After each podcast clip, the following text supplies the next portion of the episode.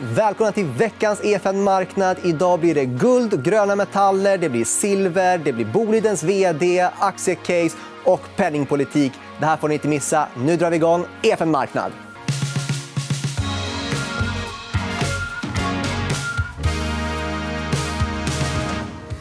Ja, för att prata råvaror och kanske ännu mer specifikt gröna metaller numera, då ska man bjuda in dig, Erik Strand. Varmt välkommen. Tackar. tackar. Ja, hur har det varit? Det här året har du pratat mycket om silver, men nu plötsligt vill du prata lite mer om gröna metaller. Det stämmer. Eh, vi har ju all vår grund egentligen i, eh, alltså från guld, silver, som är grundämnen. Och eh, grundämnen känner vi alla igen från det periodiska systemet. Vi kanske inte kommer ihåg det, men alla har sett det. Och det är egentligen det vi tar fasta på i hela vårt upplägg. Det är periodiska systemet och alla de ämnen som finns där och de egenskaperna de har. För det är det som är intressant. Kan du bara nämna vilka är de viktigaste gröna metallerna som man behöver? Ja, alltså, det som är intressant med de egentligen gröna ämnen det är inte bara metaller utan det är ämnen. Och om de är gröna eller inte det är lite olika. Men en del, många används för, för den gröna tekniken eller för annan high-tech. Batterier eller... Ja, där har du litium. Alltså, där är de stora ämnena. Sen har du det som kanske är lite speciella ämnen som är rare earth metals, alltså jordartsmetaller. Som till exempel? Ja, det finns de som heter scandium och yttrium. Eh, svenska namn eh, av den anledningen att de fann, hittade dem i Sverige. Så att, eh, där finns mycket. Men det är egenskaperna i varje ämne som är intressant. Ja, och de är mer intressanta i och med att det är en högre efterfrågan och det gör att vi behöver få in mer och mer gröna metaller. Ja, absolut. Och sen så är det, det är ganska unikt just om vi tittar på de här lite ovanliga ämnena som inte är så ovanliga i jordskorpa, men de är svåra att få tag på. Och idag så utvinns nästan allt i Kina. Och det är egentligen Kinas stora edge, eller deras vapen i handelskriget med USA, att de har så mycket. Ja, och det vill vi ju inte här i EU. Utan EU har ju börjat prata om att man ska liksom, eh, producera mycket mer eh, själva. Och vi har faktiskt ett av Nordens största gruvbolag, Bolidens vd Mikael Staffas med oss. Varmt välkommen. Tack så mycket. Ja, vad kommer Nordens roll bli i EUs jakt på gröna metaller? Eh, det är klart att Norden har en stor roll i det här. Om vi tittar var i Europa som det finns metaller så finns de inte bara i Norden, det finns på andra ställen också. Det finns i viss mån i Polen och i viss mån nere på Balkan och det finns också i Iberiska halvön. Men eh, Sverige och Finland har en viktig roll i vad man ska kunna få tag på de här metallerna som nu EU satsar mycket på. Så Sverige har en viktig roll, Finland har en viktig roll och det är klart att vi som gruvföretag har ju också en viktig roll i det här att kunna vara de som eh, producerar mera och skulle kunna utöka vår verksamhet. Vår eh, utmaning generellt sett är att vi har väldigt svårt att få tillstånd. Vi får egentligen inga tillstånd för utökad gruvbrytning och det här är naturligtvis ett svenskt problem eftersom ingen annan heller får tillstånd. Eh, så det vill ju till att nu myndigheterna lyssnar på EUs uppmaningar och ser till att det kan komma fram tillstånd för att få fram de här metallerna som ju är helt nödvändiga för att EU ska klara av sina klimatmål. Men finns de här metallerna i era gruvor liksom här och nu? Annars har man hört att till exempel kobolt mest finns i Kongo eller andrahandsmarknaden i Kina. Kan ni utvinna dessa gröna metaller? Vi eh, producerar redan idag kobolt. Vi tar upp kobolt i vår, eh, våra gruvor i Finland, inte i Sverige. Sen är det så att vi kan inte producera precis, precis bara de här metallerna utan när vi öppnar en gruva så tar vi hand om alla metaller som finns där. Och våra befintliga gruvor försöker vi expandera så gott det går men för att EU ska komma ens i närheten av att nå sina mål så behövs det nya gruvor som jobbar med det här. Och det är vi också väldigt intresserade av att kunna jobba med, med nya gruvor. Eh, och det som sagt det finns kanske mer i Finland än i Sverige, kobolt eh, kopplat till nickel. Eh, och nickel är också en viktig metall. Så att det finns. Om det sen räcker till hela behovet, det är en annan sak. Men det finns i alla fall så det räcker längre. Avslutningsvis, Mikael. Kommer Sverige och Boliden få en nyckelroll att utvinna de här gröna metallerna? Och vad krävs för att det ska hända? Givet att Sverige och Finland är så viktigt så är det en viktig del. Sen Bolidens roll, det är klart att vi har en stor ambition att hjälpa till med det här. Vi vill ju vara ett företag som ligger i framkant vad det gäller omställningen till en fossilfri värld. Så det är klart att eh, jag har ambitionen att Boliden också ska ha en viktig roll i det här. Men besluten ligger mycket mer hos myndigheter än vad de ligger hos oss. Stort tack för det, Mikael. Eh, ja, där i bakgrunden hade ni periodiska systemet. och Det är det här det handlar om. Ja, tror du att vi kan få mer metaller här i eh, Sverige som är ja, bland de här gröna metallerna? Absolut. Alltså, Sverige har ju väldigt mycket i, i, i vår berggrund och så vidare. Så att, eh, Sverige har verkligen förutsättningarna och just då hjälpa Europa som också vill eh, befria sig lite från eh, Kinas grepp och ha, ta fram det här. Eh, och vad jag förstår eh, så är det bra med drift i Sverige. Då, då är Sverige ett bra land att verka i för, för gruvbolag. Eh, men däremot så är det just problem med eh, tillstånden att börja. Och, eh, ja, det, det, är ju så att ska vi ha en grön och elektrifierad värld så behöver vi de ämnena. Vi kan inte ha elbilar och, och, allt annat utan de här ämnena. Så någonting måste man göra. Och det bästa är ju om det tas fram av bolag som är moderna och skötsamma och som ser till att återställa efter sig så att det blir liksom inte en negativ inverkan på vår jord. Och sen ska man veta att idag så återvinns ju de metallerna så det är inte någonting som man tar upp och sen som förbrukas utan det återvinns. Och, men däremot så vi har mycket behov att fylla alla elbilar behöver så mycket mer av de här ämnena. Om det är batterierna, om det är litium, eller om det är nickel eller kobolt. Eller det kanske då behövs mer koppar för det är mer elektricitet eller silver som leder ännu mer. Så att allt det där behövs och det är brist på, på bra bolag. Men det är liksom det här jag undrar. Man vill ju, vi ska ju prata om investeringar ändå. Ehm, och då är det så att man kan antingen köpa metallen i sig som en råvara. Men du tittar ju mer på gruvbolag som producerar. Ja, de, de eh, råvarorna är ju extremt svåra att handla. Alltså det, guld och silver är ganska lätt att handla. Det räcker att du kommer in på palladium och platina så är det inte alls samma volymer i marknaden att handla. I alla fall inte som investering. Eh, tittar man på bolag i vår nya fond, då, eh, Precious Green, så har vi just hittat ett bolag mot de här ovanliga ämnena som inte är så ovanliga men svåra att få tag på. Vilket är namnet? Eh, Lynas Corporation heter det. det är ett australiensiskt bolag. Och det är egentligen det enda bolaget i världen bland de tio största som inte är kinesiskt. Och vad är det som är, du tittar på just där? Det är, är just att de tar fram de här ämnena. Eh, det finns inte några större bolag i västvärlden som gör det. Eh, men det kanske kommer och då kan vi byta ut och kanske ha ett svenskt bolag istället. Absolut. Ja, men vad är det du då tycker är viktigast att kika på? Är det vad de har eh, kvar i reserverna i, liksom, i gruvorna eller hur mycket de producerar här och nu? Vad är, vad är viktigast? Ja, generellt sett så är det alltid intressant hur mycket som finns i marken. Men i det här läget så finns det bara ett bolag, så det är, det är ganska lätt val. men det är ju superintressant. Om man ska titta på bolag som har en tillräckligt stor volym. Alltså det finns små bolag som tar fram eh, ämnen men de, de, går inte att handla i en fond. De är för små. helt enkelt. Så jag, jag har ett krav på att det är tillräcklig storlek också på själva bolaget. Och avslutningsvis på denna, hur, generellt, hur är volatiliteten i ett sånt bolag? Jag kan tänka mig att det kan skaka mycket upp och ner. Eh, det rör sig ganska mycket, men det är ganska intressant. för alltså, Nu har ju även då USAs regering gått in och förhandlat med samma bolag för att man vill liksom säkerställa om det blir mer handelskrig. För Det där är verkligen ett av Kinas stora vapen i den frågan. så att Det är högintressant. Och Sverige är dels intressant att ämnena finns och eh, just att många av ämnena har hittats i Sverige också, när man hittade dem och gav namn till dem. Eh, men nu så ska vi gå vidare och prata om penningpolitik. Och det gillar ju Erik Strand att prata om, men det gillar framför allt Anna Svan att prata om. Varmt välkommen. Tack så mycket. Tack så mycket. Och det är väl så att anledningen till att ni gillar att prata om penningpolitik är att det finns en direkt koppling till råvarupriserna. Absolut, absolut verkligen. Och det såg man ju eh, delvis också på 70-talet när man precis lämnade guldmyntfoten och inflationen gick på 70-talet som högst över 11% i USA vilket också fick eh, generella råvarupriser att mer än fördubblas på ett par år och enskilda faktiskt att mer än femdubblas på samma period.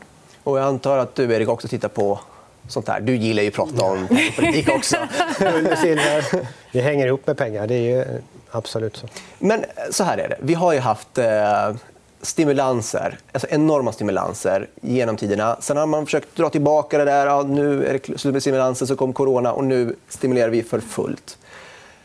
Har vi sett effekter på råvarumarknaden? Ser vi det nu? Vi börjar se, men det är verkligen eh, det är alltid en fördröjningseffekt. Det kommer aldrig, det är liksom, när man pratar om eh, tillgångar som inflationshedge, det finns ingen daglig hedge. Det är inte som att bara för att penningmängden ökar med ett visst antal procent att det direkt syns i råvarupris. Utan det är klart att det blir en liten fördröjningseffekt. Men om man tittar under långa perioder så fungerar det väldigt bra som en, som en råvaruhedge. Men så jag tror att det är absolut inte för sent att köpa råvaror. Råvaror är fortfarande jättebilliga. Och när jag pratar om råvaror så pratar jag inte om industrimetaller jag pratar inte om energi. utan Jag fokuserar främst på ädelmetaller. Och då är det guld, silver och palladium. Jag handlar inte platina. Och eh, sen är det såklart jordbruksråvaror. Och du håller med? Ja, alltså det vi har sett är, alltså vi pratar alltid om inflation som prisinflation men det, det, det, begreppet man ska använda egentligen är en monetär inflation där man ser hur mycket valutorna tappar i värde för att man just skapar så mycket krediter och skulder i systemet. Alltså man ser euron infördes 1999 och mäter man det i guld som en konstant så har den gått minus 85% på 20 år. Ja, det är mycket. Men, men, om man ska titta nu då på hur man mäter inflation så det har ju faktiskt också förändrats över tid. Ja, vi har en graf på det. Ja, exakt. För om man tittar på hur eh, hur definitionen av inflation har förändrats över tid. Så till en början så var definitionen av inflation expansion av penningmängden. Eh, och det kan vi se då. Det är den gula eh, linjen, det är den som är M2 och då hur den har förändrats år efter år. Eh, sen så har vi CPI och det är de officiella inflationssiffrorna. Det är den svarta linjen. Exakt. Och sen den röda linjen är alternativt inflationsmått som heter shadow stats. Så jag tyckte det var lite intressant att lägga de här på varandra och titta lite på dem. För för, för det första, då, man ska gå tillbaka ännu längre. Då, för att först var det som så att inflation mättes genom att kolla på expansion av penningmängden. Och eh, sen så ändrades det. Så man skulle kolla på en generell ökning av konsumentpriser. Och då hette det att man skulle ha stabila priser vilket innebar att inflationen absolut inte fick nå över 2 Sen så blev det lite bekvämt att ha möjlighet att expandera penningmängden, och, eh, vilket då alltid syns i konsumentpriser. eller väldigt, väldigt ofta. Eh, och det gjorde att man eh, justerade det här inflationsmålet och sa att det, det kan väl få gå upp till 2% Det är helt okej. Och sen så justerades det igen. Och helt plötsligt så var det liksom ett absolut måste att nå 2 och Nu sa Powell för ett par veckor sedan att eftersom att vi har legat under 2% under så himla lång tid då är målet nu att hamna över så att vi kan jämna ut det här. Men problemet här då är att under den här tiden som man mätt inflation så har man också reviderat sättet som man mäter det på. Och det gör att eh, i USA kan man rapportera lägre inflationssiffror än den reella inflationen.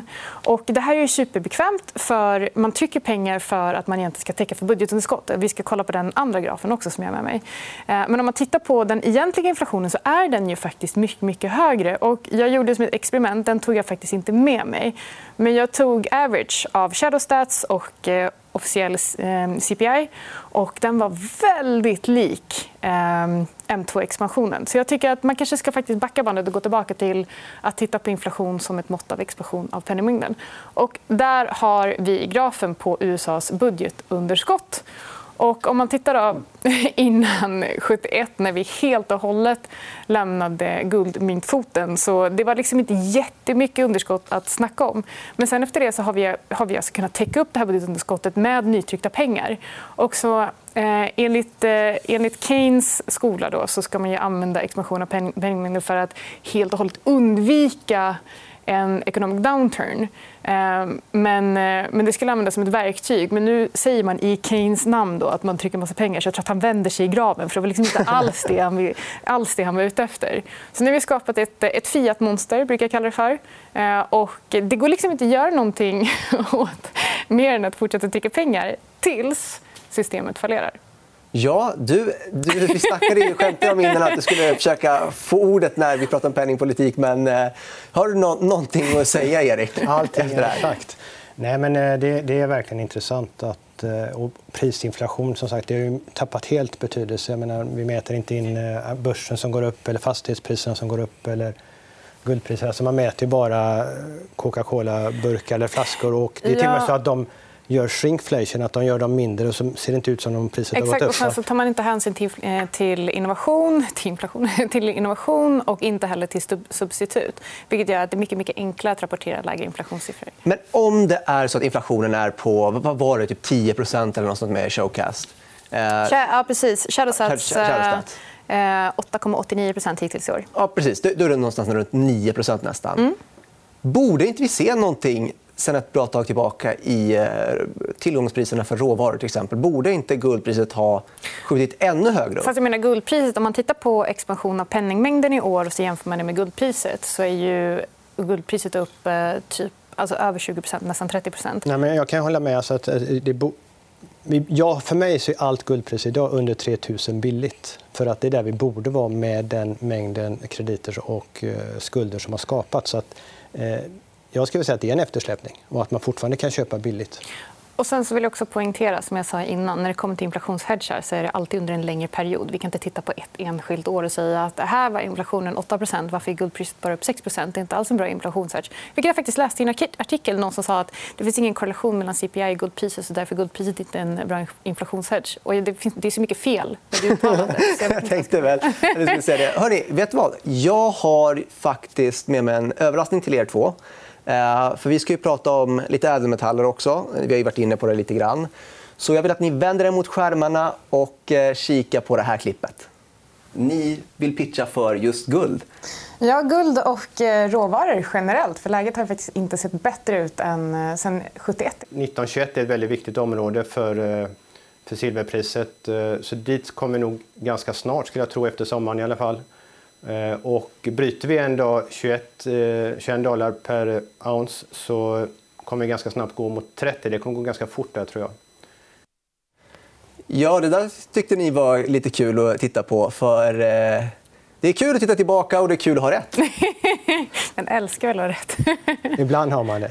Ibland har man det. Och vad, har det här gått enligt plan, det här, eh, era, era trace på råvaror, guld och silver? Ja, det får man väl säga ändå. Eh, det enda som jag, var lite, som jag hade lite fel om det var väl palladium som jag trodde skulle ha fallit väldigt mycket mer efter eh, att bilförsäljningen föll så mycket. Men den tappade inte alls så mycket som jag hade förväntat mig. Ehm, men, men guld har gått bra? Guld har gått väldigt bra. Och silver har gått väldigt bra? Ja, det är på väg. Alltså, det är bara början som jag ser det. Så att, eh, just på grund av de här monetära bitarna. Så att, eh, vi är bara i början. Okej. Okay. Nu är guld på nästan all time high. Eh, räknat i dollar. Liksom. Right? Eh, men hur mycket kan vi, det här gå upp? Alltså, du pratar om att under 3 000 är det billigt, men det är en bra bit till. Ja, det är, för det, det är för den här eftersläppningen var inne på. Så att. Man har tryckt så mycket, men det tar ett tag innan allting... Men varför tar det ett tag? Varför tar det sån tid? Men, men, det är så men, men å andra sidan så är det så här att om man tittar på guld är inte på all time high eller nära all time high. För om man tittar på guldpriset om man räknar med inflation så, så har det stått i 50 000 dollar innan. Eh, så du säger under 3 000 är billigt och jag säger upp till 5 000, 50 000 dollar. Eh, det kan man ta. Kanske inte... Okay. nu har du sagt det. Är lite, nej, men det är faktiskt lite att jag, jag har svårt att tro att vi ska dit. Men det är lite kul eh, att det faktiskt är så. Men eh, alltså, ni pratar om 3 000, du var uppe eh, men jag tror, och jag tror men... kanske runt 5 000 är, är rimligt. Vad, ni pratar om eftersläpning och så vidare. Men vad kan vara en trigger för att få komma ikapp där? Hur kan priset gå upp? Alltså en stor förändring som kan komma det är ju att alla centralbanker som har köpt på sig guld, och det är ganska mycket, att när de känner att det har liksom gått för långt med tryckandet av pengar så kanske de själva känner att de skulle vilja se att priset var högre så att deras guldreserver backar upp mer av de pengar de har tryckt. Alltså att det skulle skapa en stabilitet för dem. Att de med ett högt guldpris så kan de ju säga att vår guldreserv är så här stor plötsligt. Och då är det okej okay att vi har tryckt de här pengarna. Så då kommer de vara bakom ett väldigt högt... Men har inte centralbankerna köpt på sig? De har, de har gjort det. De har gjort det. Ja, men det är det jag säger. De har köpt på sig och skulle, de då få, skulle priset då bli väldigt mycket högre då skulle deras reserver bli mycket större och då kan de, ha de råd att ha mer tryckta pengar ute i systemet så att de eh, blir vänner av ett högt guldpris. Om det kanske de inte har varit under alla år. Och det är så att vi kommer få, tror ni att vi kommer få ytterligare eh, köp av centralbankerna kommande säg, fem, sex åren för att, liksom, som jag, du säger? Jag tror inte de har så mycket val. För om de vill fortsätta trycka pengar i den här takten så behöver de ha någonting. De behöver ha någon typ av, av reserv. Så um, jag säger att guld är just nu enda utvägen för dem. Och nu ser man att det är inte bara centralbanker utan nu börjar ju amerikanska pensionsfonder också allokera in mot guld. Så att det händer mycket. Warren Buffett köper guldbolag det kommer mer och mer. Ray Dalio, Bridgewater, världens största hedgefond, ökar sina allokeringar mot guld. Så det, det, det byggs upp och sen blir det trycket väldigt stort. Men vad tycker ni är bäst då att, eh, för att exponera sig mot guld? Alltså köpa guldet eller köpa gruvbolagen? Jag tycker inte att man ska kalla gruvbolag för en, eh, eh, för en exponering mot guld. utan Jag tycker att det är en egen aktieexponering. Men det är klart att om du nu vill göra både och, som jag tycker att du ska göra om du väldigt gärna vill ha gruvbolag också, då tycker jag att eh, man kanske skulle kunna göra någonstans mellan 50-50 eller 80-20 där majoriteten ligger i, i rent guld för att dra ner volatiliteten lite. Och är det någon liknande strategi du har? Eller? Jag skulle säga så här att jag, jag, skulle lägga det, jag ser det som en spelplan. Där guld är liksom längst ner till vänster, det säkraste. Man, man spelar ädelmetaller för säkerheten, tryggheten, portföljteorin. Sen går man upp mot silver, sen går man mot eh, gruvbolagen och sen går man mot silvergruvbolagen som vi har i fonden om man vill spela det för avkastningen. Och sen hur man mixar det här, det beror ju helt och hållet på eh, ens egna preferenser och vad man vill vara. Och vad är dina preferenser? Det beror på min privat, alltså privatperson så beror det på min privata alltså, situation och vad jag tror på. Eh, och jag tror ju på väldigt mycket på marknaden och då har jag ingen anledning att vara defensiv och köpa bara guld. Så är man offensiv då är det gruvbolagen och så får man hitta en mix där. Eh, men det, skulle ni vilja prata om varsitt, eh, varsin råvarutrade som inte är guld eller silver? Kanske någon annan ädelmetall? Ja, men jag faktiskt, precis som jag sa det, så hade jag lite fel i, i Palladium. Så jag klev, av den, jag klev i och för sig av den ganska mycket högre än vad jag sen köpte in mig på. Men ändå, den fortsatte upp ganska mycket innan den föll tillbaka. Eh, men jag tror att ekonomin håller på att öppna upp igen. Och jag tror att I och med att pengar är så billiga så tror jag att många som eh, bilförsäljning kommer komma igång igen. Och eh, det driver på palladiumpriset. Lagren är fortfarande väldigt, väldigt låga. Så jag har faktiskt tagit in en del palladium i min ädelmetallsexponering igen ganska nyligen. Och du, Erik? Alltså det som är väldigt intressant när det gäller gruvbolag eh, här eh, också, det är att under Q2, kvartal 2, så var det stängda gruvor. Priserna var inte så höga. Var det på grund av corona? Ja, precis. Och sen så, nu har de ju öppnat upp igen och betraktas som så att säga, nationellt viktiga. Så att driften är där och priserna är väldigt höga nu. Och det som är intressant är att under corona lockdown, stängningen, vanliga företag förlorade ju sin produktion. Den var ju borta. Men i gruvorna som egentligen värdet är ju det de har i marken och det har inte försvunnit för att det var stängt. Utan värdet är ju kvar. Så kvartal två-resultaten var inte så roliga med tanke på lägre priser och stängda gruvor. Nu kör de för full fart, en del ökat på till och med så att säga, för att ta igen lite. Värdena är kvar, priserna är höga. Så kvartal tre-resultaten blir väldigt intressanta. Och är analytikerna på det här eller tycker du att det finns en uppsida? Här? det som är intressant är att eh, det som styrs mycket idag är ju datastyrt. De läser liksom kvartal två, så läser de rapporterna på två millisekunder och sen så köper de eller säljer bolagen. De har inte ens tänkt på att det här värdet är kvar i marken. Och när de, kommer läsa, de här datorerna kommer läsa rapporterna i kvartal tre och jämföra med kvartal två så kommer de ju gå helt bananas. Så jag tror det är väldigt spännande när de rapporterna släpps. Ja, det här blir superintressant. Eh, då får vi ta ett klipp på det och så får vi lägga upp det nästa gång ni är tillbaka här. Eh, men det var vad vi hann med idag. Som sagt, aktiecase, råvaror. Det kan inte bli bättre än så här. Vi är tillbaka nästa fredag på återseende. Vi ses då!